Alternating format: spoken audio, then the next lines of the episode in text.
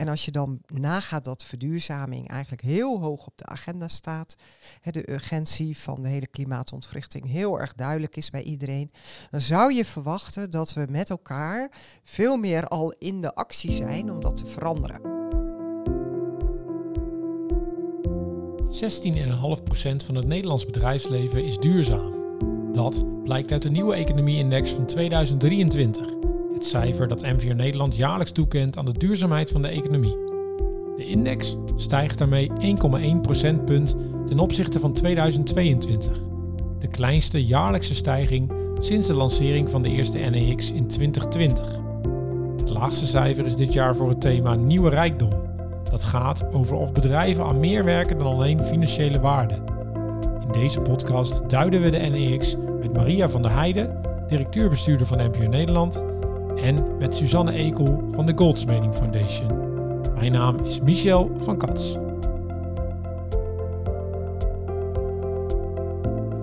Hartelijk welkom, dames en heren, bij uh, de podcast Het Verhaal van de Nieuwe Economie Index 2023.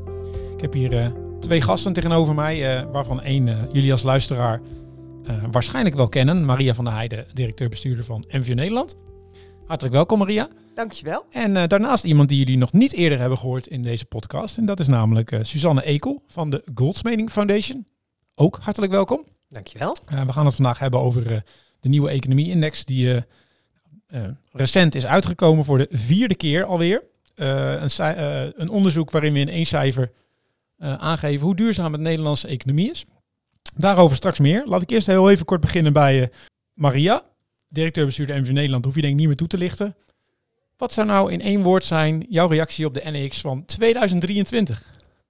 In één woord. Um, slakkengang. Slakkengang. Ga ik je zo vragen wat je daarmee bedoelt. Um, Suzanne, uh, voor de luisteraar die je nog niet kent, kun je eerst even kort uitleggen uh, wie je bent, wat je doet, wat de Goldsmeding Foundation precies doet. En uh, daarna zou ik ook heel graag van jou in één woord willen horen wat jij over de NEX 2023 vindt. Ja, nou, mijn naam is dus Suzanne Ekel. Ik ben programmamanager menswaardige economie bij de Goldsmeding Foundation. Dat is een filantropisch fonds op het gebied van menswerk-economie. En wij proberen bij te dragen aan een betere balans eigenlijk tussen mens, werk en economie. Dat doen we met drie programma's, inclusief arbeidsmarkt, duurzaam werk en menswaardige economie. Daar ben ik uh, verantwoordelijk voor. En dat betekent dat we daarin allerlei projecten en partners steunen met geld, kennis en netwerk om eigenlijk te werken aan een betere wereld. Voor menswaardige economie betekent dat een betere, ja, of eigenlijk een samenleving of een economie waarin ook het belang van de ander echt verankerd is in ons economisch handelen. En dat raakt heel erg aan, uh, ja, ook, ook hoe je als organisatie, bedrijfsleven uh, op een menswaardige manier met je relaties en je partners omgaat. Uh, en je vraag over dat ene woord voor die nieuwe economie-index komt bij mij omhoog urgentie. Urgentie. Ik denk dat we een mooie samenvatting hebben. Maria, heel even dan. Uh, we hadden natuurlijk 100 gasten kunnen uitnodigen bij de NEX uh, podcast. Waarom hebben wij Suzanne hier eigenlijk gevraagd? Ik denk dat de Goldsmeding Foundation en MVO Nederland op één thema daadwerkelijk bij elkaar komen. En dat is zeg maar invulling geven aan de nieuwe economie door helder te maken dat het niet alleen gaat over financiële waarden. Maar dat het gaat over waarden voor mens, natuur en maatschappij. Samengevat misschien de niet-financiële waarden. Uh, maar zoals Susanne al zo mooi verwoordde, hoe stellen we de mens centraal in onze economie en wat is daarvoor nodig? Ja. Nou, en vanuit MVO Nederland kijken we dan vooral wat is er dan nodig vanuit het bedrijfsleven. En uh, in die zin past dat heel mooi wat mij betreft bij de NEX uh, en onze samenwerking. Precies. Waarover ik later nog wat meer vertel. Zeker weten, zeker weten. Um, Suzanne, ik denk dat Maria hier ook enigszins doelt op het thema nieuwe rijkdom. Uh, een van de zeven thema's die misschien voor een willekeurige luisteraar een moeilijk uit te leggen thema lijkt. Uh, maar je gaf net al aan, uh, jij bent uh, bezig met een menswaardige, menswaardig ondernemen, zou je kunnen zeggen. Um, wat, wat, wat doen jullie dan concreet met dat thema? Hè? Als iemand er nou een beeld bij zou moeten vormen van, van wat, hoe ondersteunen jullie dat soort uh, bedrijven die daaraan werken? Ja, voordat ik je iets kan vertellen over hoe we dat ondersteunen, is misschien goed om eerst even te definiëren wat, wat we. Wat is uh, nieuwe rijkdom eigenlijk? Ja, als ik wat, wat NVO Nederland onder nieuwe rijkdom verstaat, eigenlijk probeer te bekijken door de ogen van wat wij een menswaardige economie noemen, dan komt dat heel erg samen op iets wat we ja, recent zijn gaan noemen de weg van medemenselijk ondernemen. En dat is eigenlijk een route naar duurzaam, inclusief en toekomstbestendig bedrijfsleven en ondernemerschap. En het komt er eigenlijk op neer dat je niet zozeer focust op waarom en wat je doet, maar hoe je het doet. Organisaties en ondernemingen bestaan natuurlijk bij de gratie van samenwerkingen met mensen. Ja. Of dat nou medewerkers, klanten, leveranciers, financiers, partners, buren, leefomgeving zijn. Zonder mensen kun je niks organiseren, kun je niet samenwerken. En als je het welzijn en het belang van al die andere mensen dan alleen jezelf hoog probeert te houden in hoe je je organisatie ontwikkelt en hoe je je bedrijf leidt en vormgeeft, ja, dan, dan geef je eigenlijk een hele natuurlijke boost aan het proces naar inclusief, verantwoord en duurzaam ondernemen. En dat is Mhm. wat we met medemenselijk ondernemen bedoelen. Dat betekent praktisch dat eigenlijk wat, wat je zou kunnen zeggen, menswaardige organisaties die werken aan duurzaamheid, die stellen de mens centraal, maar die zeggen ook eigenlijk, we willen dat, dat de mens tot bloei komt of het welzijn van mensen centraal komt te staan. Niet alleen onze eigen mensen, medewerkers, maar ook de mensen daarbuiten, de anderen, de samenleving als geheel. En ja, wat wij daaraan doen is eigenlijk in de onderkenning dat dat een organisatievraagstuk is. Hè? Dat is geen missiegedreven doel. Nee, dat Nee. is een hoe doe je, hoe organiseer je jezelf zo dat het menselijk welzijn hoog gehouden kan worden. Dat is eigenlijk onze, onze vertaling of onze invulling van wat jullie denk ik met nieuwe rijkdom doen. Ja. Het wordt ook wel brede welvaart genoemd, eh, welzijnsoriëntatie, meervoudige waardecreatie of zoals jij het ook heel praktisch zegt, niet financiële waardecreatie. Ja. Wezenlijk en urgent. Precies. Dan ga ik gelijk het haakje maken met eh, eh, de nieuwe economie-index, waaruit dit jaar blijkt dat de nieuwe rijkdom een score heeft gekregen van 5%. Ja.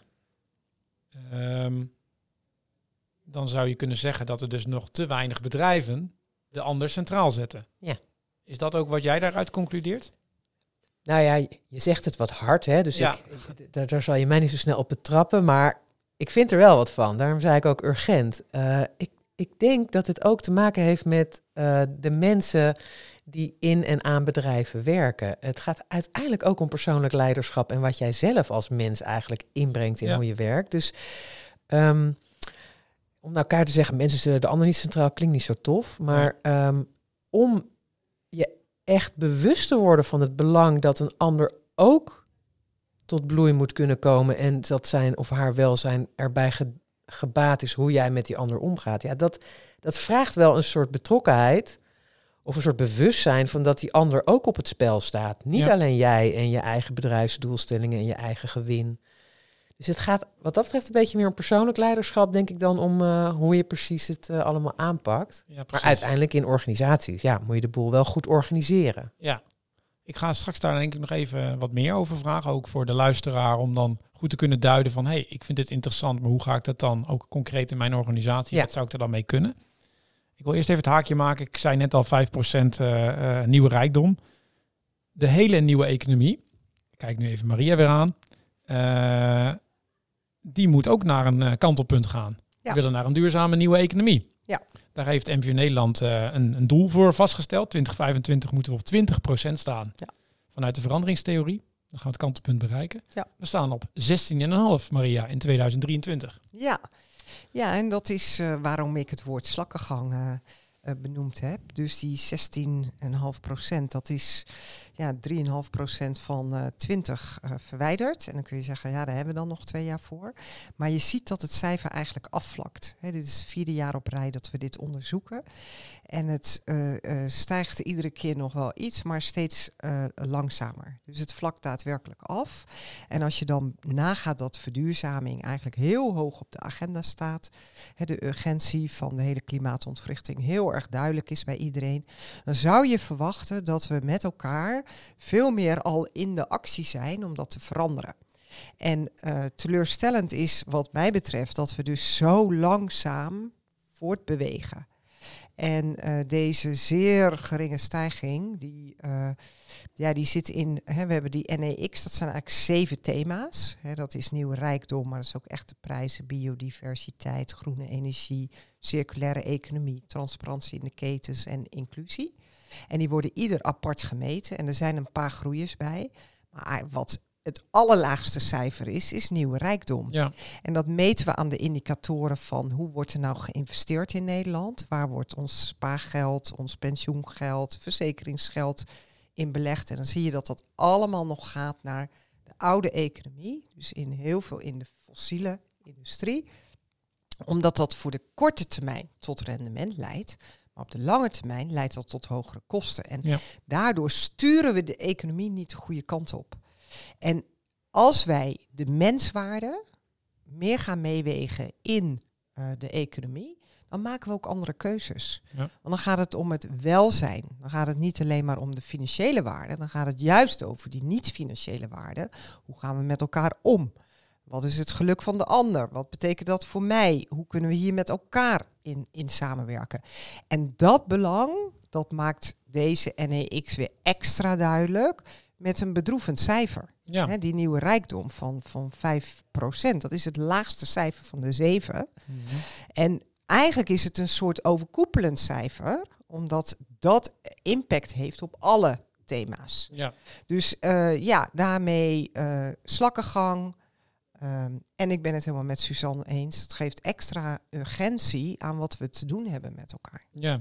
ja, want als je die lijn doortrekt, eh, Maria, dat hebben we natuurlijk al even gedaan, dan, ja, dan komen eigenlijk de, enerzijds het kantelpunt 20% 2025 komt in gevaar.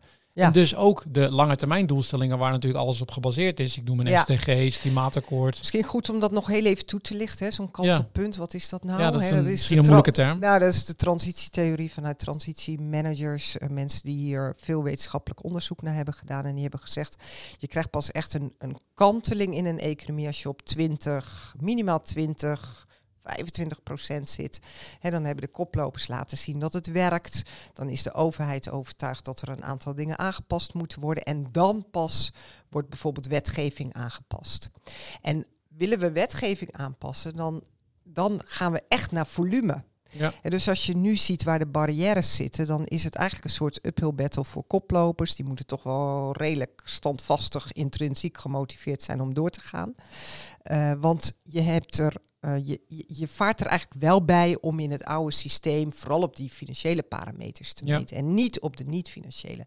Terwijl voor onze planeet en voor onze mensen en, de, en, en het geluk van mensen gaat het er juist om dat we die andere indicatoren gaan meten. Ja. Maar dat betekent dat er in het systeem wat gewijzigd moet worden. En dat gebeurt pas als je op 20% zit. Ja. En daarom is het zo belangrijk dat koplopers volhouden. Dat we met elkaar werken.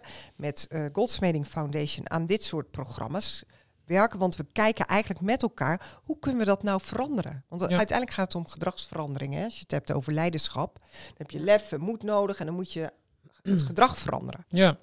Ja, zie ik- jij dat ook sta- zo, Suzanne? Ja, ik sta te popelen om eigenlijk nu ik, Ik jou zie het, zo ja. hoor iets, iets eh, toe te voegen eraan. Kijk, die lage score op nieuwe rijkdom, die zou best wel eens kunnen verwijzen naar dat tot nu toe de ontwikkeling naar, naar verantwoord ondernemerschap en werken aan duurzaamheidsdoelen. Eh, en dat is op zich heel goed geweest. Ook gericht is op een soort nou, hogere doelen. Hè? Dus, dus de why, dat, dat worden dan soms ook doelen buiten jezelf bijna. En dan heel concreet op wat. Hè? Van nou, hoeveel CO2-uitstoot hebben we dan? En met wie doen we dan precies zaken? En hoeveel betalen we dan mensen?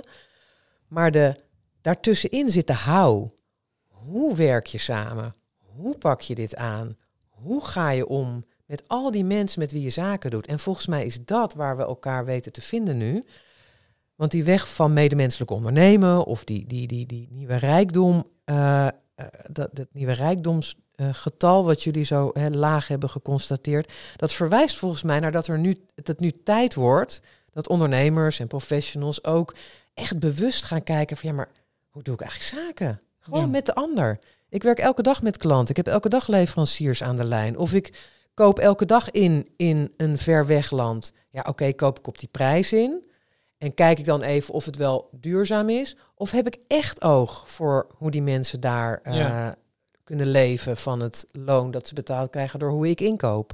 Ja. Of veel dichter bij huis, heel concreet in de bedrijfsvoering, hoe richt ik eigenlijk mijn medezeggenschap in. Dus hoe laat ik mijn eigen mensen, maar ook onze omgeving meepraten over mijn bedrijfsvoering? Want ik doe het niet voor mezelf, maar voor de samenleving waar ik onderdeel van ben. Ja. En nog veel dichterbij, ik heb medewerkers. Hoe heb ik met hen eigenlijk een arbeidsovereenkomst gesloten? Hoe is dat proces gegaan? En wat hebben we eigenlijk daarover vastgelegd? Is dat wel op een gelijkwaardige manier met respect voor de ander, in een verhouding waarin er echt een win-win is van mens tot mens? Ja. En ik denk dat voor mij is, is die, die aandacht voor ja, de menselijke maat en menswaardig samenwerken eigenlijk een ingang om die nieuwe rijkdom eh, op peil te gaan krijgen. En daarmee dus misschien ook wel alle andere thema's. Ja, als het goed is, als het goed uitpakt, en dat vermoed ik, dan gaat dat eh, een vliegwiel-effect Ja. hebben op die why en die what. Ja. ja, en als je maar... Kijk, ik kan me ook... Ik, ik, zit ook even in het hoofd van, van een luisteraar die denkt... Hey, hoe doe ik eigenlijk zaken? Hoe heb ik mijn organisatie Ja. eigenlijk ingericht? En ik kan me voorstellen dat mensen... De eerste stap is altijd bewustwording van... Hey, dat ik daar eens over ga nadenken. Maar ik kan me ook voorstellen dat die luisteraar denkt van... Oké, daar kan ik over nadenken. Maar hoe ga ik dat dan? Ja. De how, Ja. hoe ga ik dat dan doen? Doen. En ik kan het wel denken achter mijn bureautje, achter mijn laptop. Ja. Hoe ga ik nou die hele organisatie dan ook op die menselijke maat laten ondernemen? Ja, precies. Nou, en dat is geen eh kattenpis, Nee. zeggen we maar. En ik, het is niet voor niks dat die ook zo laag is, want het ontbeert nog aan, laat ik het maar noemen, handreikingen en Mhm. bewezen methodieken om naar al die stakeholders, hè, ik noemde net medewerkers, leveranciers, klanten, op een menswaardige manier te opereren. Dat is overigens wel precies het soort projecten waar we als Goldsmeding Foundation nu ook steun aan verlenen. Om juist daar op dat terrein echt concreet handelingsperspectief te bieden. Ja. Ik weet niet of je daar nu heel diep op in wil gaan. Nou, maar ik, ik, dat moet, ik wel- moet gelijk denken aan een project wat, eh wat MV Nederland samen met Goldsmithing Ja. Foundation heeft gedaan. Ja. Eh, ongemak in de boardroom. Ja. Doet. Loopt nog. Doet Ja, trouwens, ja. ja. Maar we zijn Ja. al een heel eind, dus... eh, Nou, het is misschien wel leuk om even iets, toch iets Ja, over dat te is- vertellen. dat past namelijk heel goed dit- in- Zeker. Hè, wat Suzanne net beschrijft, is eh, we weten eigenlijk wel de, het waarom. Hè? En we weten ook wel wat we moeten doen. Er is eigenlijk heel veel kennis al. En Precies. het ontbreekt aan, eh, doen we het dan ook? En dan kun je de vraag stellen, weten we wel wat we moeten doen? ja. En dat hebben we genoemd ongemak in de boardroom. En vervolgens hebben we daar eh, bestuurders en commissarissen voor uitgenodigd om daarover mee te praten. En we zijn heel diep aan het onderzoeken van wat is nou dat ongemak? Want als je dan weet wat we eigenlijk met elkaar op termijn moeten doen, en je weet ook dat we onvoldoende doen, waar zit dan de belemmering? ja. Ehm, heeft dat te maken met dat je het niet kent, dat het onbekende eh, je belemmert? Eh, heeft het te maken met de onzekerheid? Heeft het te maken met je juridische verantwoordelijkheid? Te maken met het verdienmodel wat je niet kent en je weet nog niet wat er voor in de plaats moet komen? Dus al die vragen zijn we aan het onderzoeken met deze Ja. groep om meer zicht te krijgen op een hoe. En kun je al iets zeggen over wat, wat er nu... Nou, ik, ik denk wat ik heel interessant vind vanaf eh, eh, die eerste bijeenkomst, is dat dat thema ode aan het ongemak heel erg bij mensen soort, oh, we mogen het hier dus over hebben. Hè, dus dat alleen al, het agenderen van dat je het ongemakkelijke gesprek voert. Mhm. En eh, eh, dit zijn allemaal wereldproblemen hè, die we hebben. Ongelijkheid, eh, verlies van biodiversiteit, klimaatontwrichting. En dan moet je, moet je als individuele bestuurder of commissaris je daartoe verhouden. Dat is ook ingewikkeld en dat is Ja. complex. En daar dus in de vertraging het ongemak opzoeken, Ja. eh, reflecteren, ander soort vragen aan jezelf en aan je mede bestuurders, commissarissen stellen. Dat heb je nodig om met elkaar te ontdekken waar dan wel eh, de opening zit. Ja. En dus je kan dit, kan dit duiden als een angst voor het onbekende, maar positiever gezegd, het is ook, denk ik, echt eh, misschien wel de slakkengang hè, die mensen nodig hebben om te zorgen dat je in een ander, op een ander niveau met elkaar praat over hoe dan wel. En dat Ja. hoe is niet makkelijk. Nee. Er zijn wel inmiddels wat bewezen, laat ik zeggen, eh, en erkende gedragskenmerken van hoe dat eruit ziet. Mhm. En, Kun je en een voorbeeld geven? Ja, een ervan is echt luisteren naar een ander. Echt luisteren. En ik Wat val, echt luisteren? ja, ik val expres stil, omdat dit is... Weet je, als je echt gaat luisteren, dan moet je stil worden. als kun je niet luisteren. Nee. En we zijn zo gewend, ook in het zakelijk verkeer, hè, ik ook, om in meetings, hakketak, snel beslissen, wat doen we, eh, eh, bespreken. Eh, natuurlijk, we reflecteren. Maar wat Maria net bedoelt met echt reflecteren en echt aankomen in dat je ook niet altijd zeker weet hoe het zit. Of dat je echt moet erkennen dat die ander aan het kortste eind heeft getrokken door hoe jij het hebt gedaan. Of doordat je gewoon niet zeker weet of je het wel goed doet. Ja, dat, dat is, ja, dus luisteren, echt stilstaan bij je gedrag. eh, maar ook de ander eh, zien in waar hij of zij uithangt. Ik heb laatst een, een gesprek gehad eh, over wat in het veld sociale incasso heet. Maar wat, ik eh, zou willen noemen menswaardig debiteurenbeheer. Als je je echt verbindt met de klant die niet kan betalen. en je gaat echt luisteren naar wat daar speelt. dan is het best wel pijnlijk vaak om te horen wat daarachter zit. Mhm. Nou, kan je daar niet elke dag eh, de hele tijd bij stilstaan. Maar ja, dat is wel de oproep die je eigenlijk moet doen. Dus volgens mij kan nieuwe rijkdom groeien in jullie index.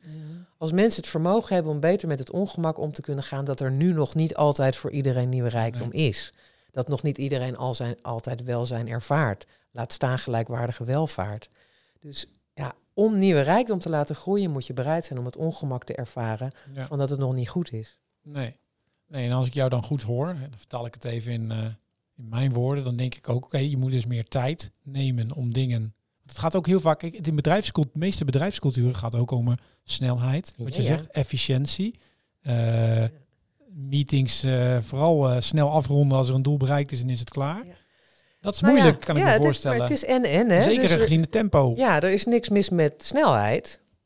Maar als het alleen maar om snel groeien gaat en tempo maken en Ja. eh, doorrammen, ja, dat kan niet waar Dus het is zijn. een balans, zeg Nou jij. is dat natuurlijk in heel veel bedrijven helemaal niet aan de orde, want er wordt heel vaak heel wel overwogen, goed voorbereid, eh, besluiten genomen. ja. Maar toch echt stilstaan bij wat jouw besluiten voor effect hebben op het welzijn van andere betrokken stakeholders, ja, dat, Mhm. dat vraagt wel enige vertraging. Ja. ja. Hebben Ja, jullie... wat we ook wel zien is met, eh het is wel mooi zoals je dat benoemt, met dat echt luisteren. Over het algemeen, als je dus in de boardroom zit, dan heb je een bepaalde mate van ervaring. En mensen die dichten zichzelf toe dat ze dan vervolgens het moeten weten. Eh, en dat betekent dus dat je op een bepaalde manier gaat praten, eh, eh, in, in, in vergaderingen deelneemt, et cetera. En dus het uitgangspunt van het niet weten of het willen leren, dat is al een heel ander uitgangspunt als je een boardroom binnenstapt. Als je nieuwsgierig bent naar wat andere mensen te melden hebben.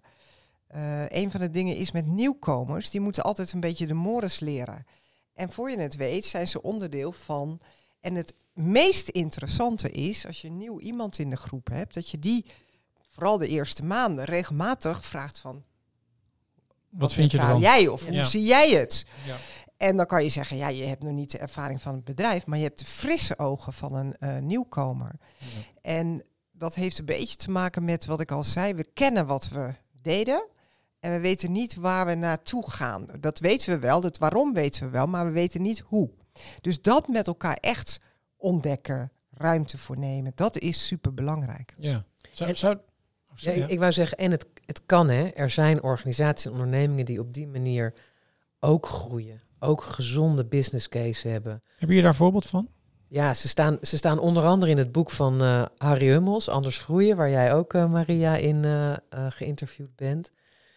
Ja, er zijn meerdere organisaties die dat doen. Ehm, eh, volgens mij uit jullie eh, netwerk.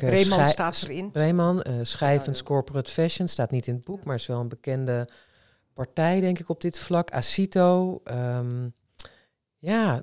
En wat, Ja. en wat onderscheidt dan die partijen dat, ze het, dat zij het voor elkaar krijgen om het zo te doen ten opzichte van de partijen die...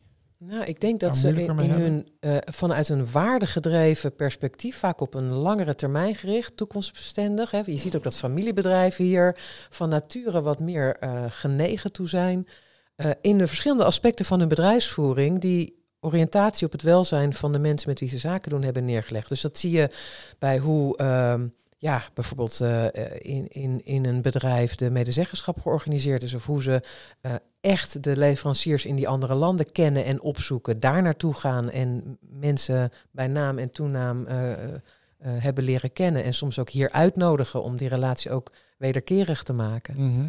Ehm, ja, in, in hoe je bijvoorbeeld soms ook op een andere manier, bijvoorbeeld op een holacratische manier, je, je organisatie kan inrichten. Dus een governance model. Mhm. Dat kan, dat, dat vraagt iets van de mensen. Maar je bent dan heel doelgericht aan het werken, maar wel met op een meer gelijkwaardige basis en waarbij de, de zeggenschap ligt in teams van mensen die doelen delen. Ja. Dat is iets anders dan mensen op functies neerzetten en dan sturen op een, eh, op een ja, ik het maar even heel plat, de Excel-sheet die er dan boven ligt. Ja.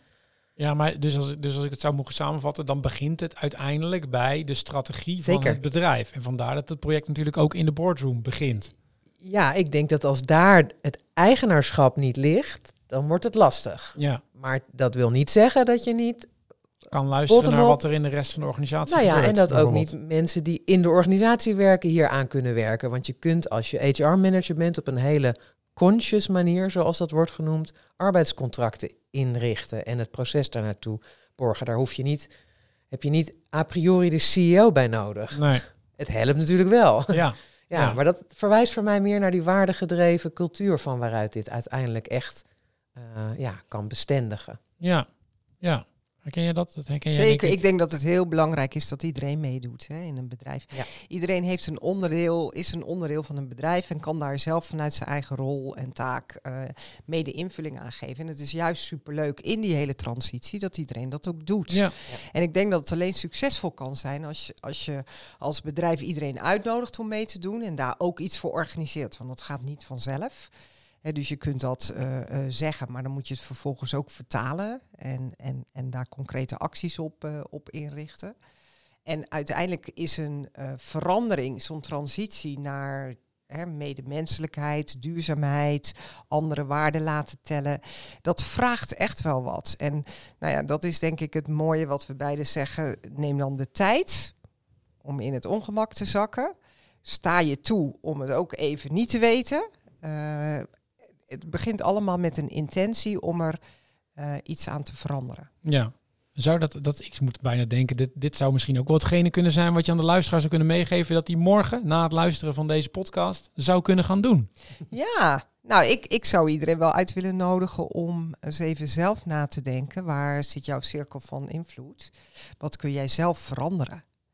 En eh, die verandering is altijd groter dan je zelf in eerste instantie denkt. Omdat als je iets in beweging zet, bewegen andere mensen mee. Dus nou, dat kan oneindig groot zijn, maar het is ook helemaal prima als het juist wat kleiner is. Ja, Maar probeer gewoon zelf eens na te denken van hey, hoe zou ik zelf in mijn rol iets kunnen betekenen op die niet-financiële waarden. Zorgen dat we als mensen een goed eh, eh, bedrijf met elkaar eh, vormgeven. Dat, we, dat het toe doet in de samenleving, naar de klanten, naar de leveranciers. En wat kan ik daaraan doen? Wat Ja. zou ik morgen anders kunnen doen? ja, En dan kan ik er nog wel eentje aan toevoegen. Je, je zou een heel klein experimentje kunnen doen dat je bij een aantal afspraken die je de komende week hebt, een meeting ofwel begint of afsluit met de vraag: wat kan ik voor jou doen? Dus met wie je ook zit, of het nou een klant of een collega is, of een leverancier of Mhm. een eh, partner, wat kan ik eigenlijk voor jou doen? ja. En waarom, waarom, Expliciet. waarom stel Nou, je dat zo, denk je? Omdat je daarmee oefent zelf om je echt te verbinden met wat die ander nodig heeft om tot bloei te komen of om zijn belang Ja. te dienen. Dat wil niet zeggen dat je alles moet doen wat die ander zegt. En medemenselijk ondernemen gaat ook helemaal niet over aardig zijn of dat iedereen altijd zijn zin krijgt. Maar dat je je plaatst in een commitment aan het welzijn van die ander. Ja, En daar kan een hele simpele vraag, wat kan ik voor jou doen? Wat kan ik voor kan jou al een betekenen? begin zijn. Kan een beginnetje zijn. Ja, Niet dat je het moet doen wat die ander zegt, maar wel de intentie. En wie weet hoor je iets en denk je, verrek, als ik dat had geweten, nou ja, had ik het al veel eerder gedaan. ja. Nou ja, ik vind, denk dat het een hele mooie praktische, ja, eenvoudige tip is om gewoon in ieder geval dat bewustzijn eens een keer. Ja. Ehm, kan ik nog iets voor jullie doen? nou, een mooie strik eromheen eh, creëren. Ja, Ja, Ehm, nou, ja, we- ik denk dat we een mooi rond verhaal hebben, denk ik. NEX, 16,5 procent. Eh, wil je meer weten over, eh, over die NEX, dan eh, zou ik je adviseren om naar eh, nex.nvnederland.nl te gaan. Voor een aantal hele inspirerende interviews eh, met ondernemers die, die vooruitstrevend zijn op deze zeven thema's. En ook nog meer tips over hoe jij met deze thema's aan de slag kan. Ik, Maria, Suzanne, jullie allebei enorm bedanken voor je tijd en enthousiasme. En tot later. Graag gedaan. Dag. Dank voor het luisteren naar het verhaal van de nieuwe Economie Index 2023. Ga naar nex.mvonederland.nl voor alles over de NEX.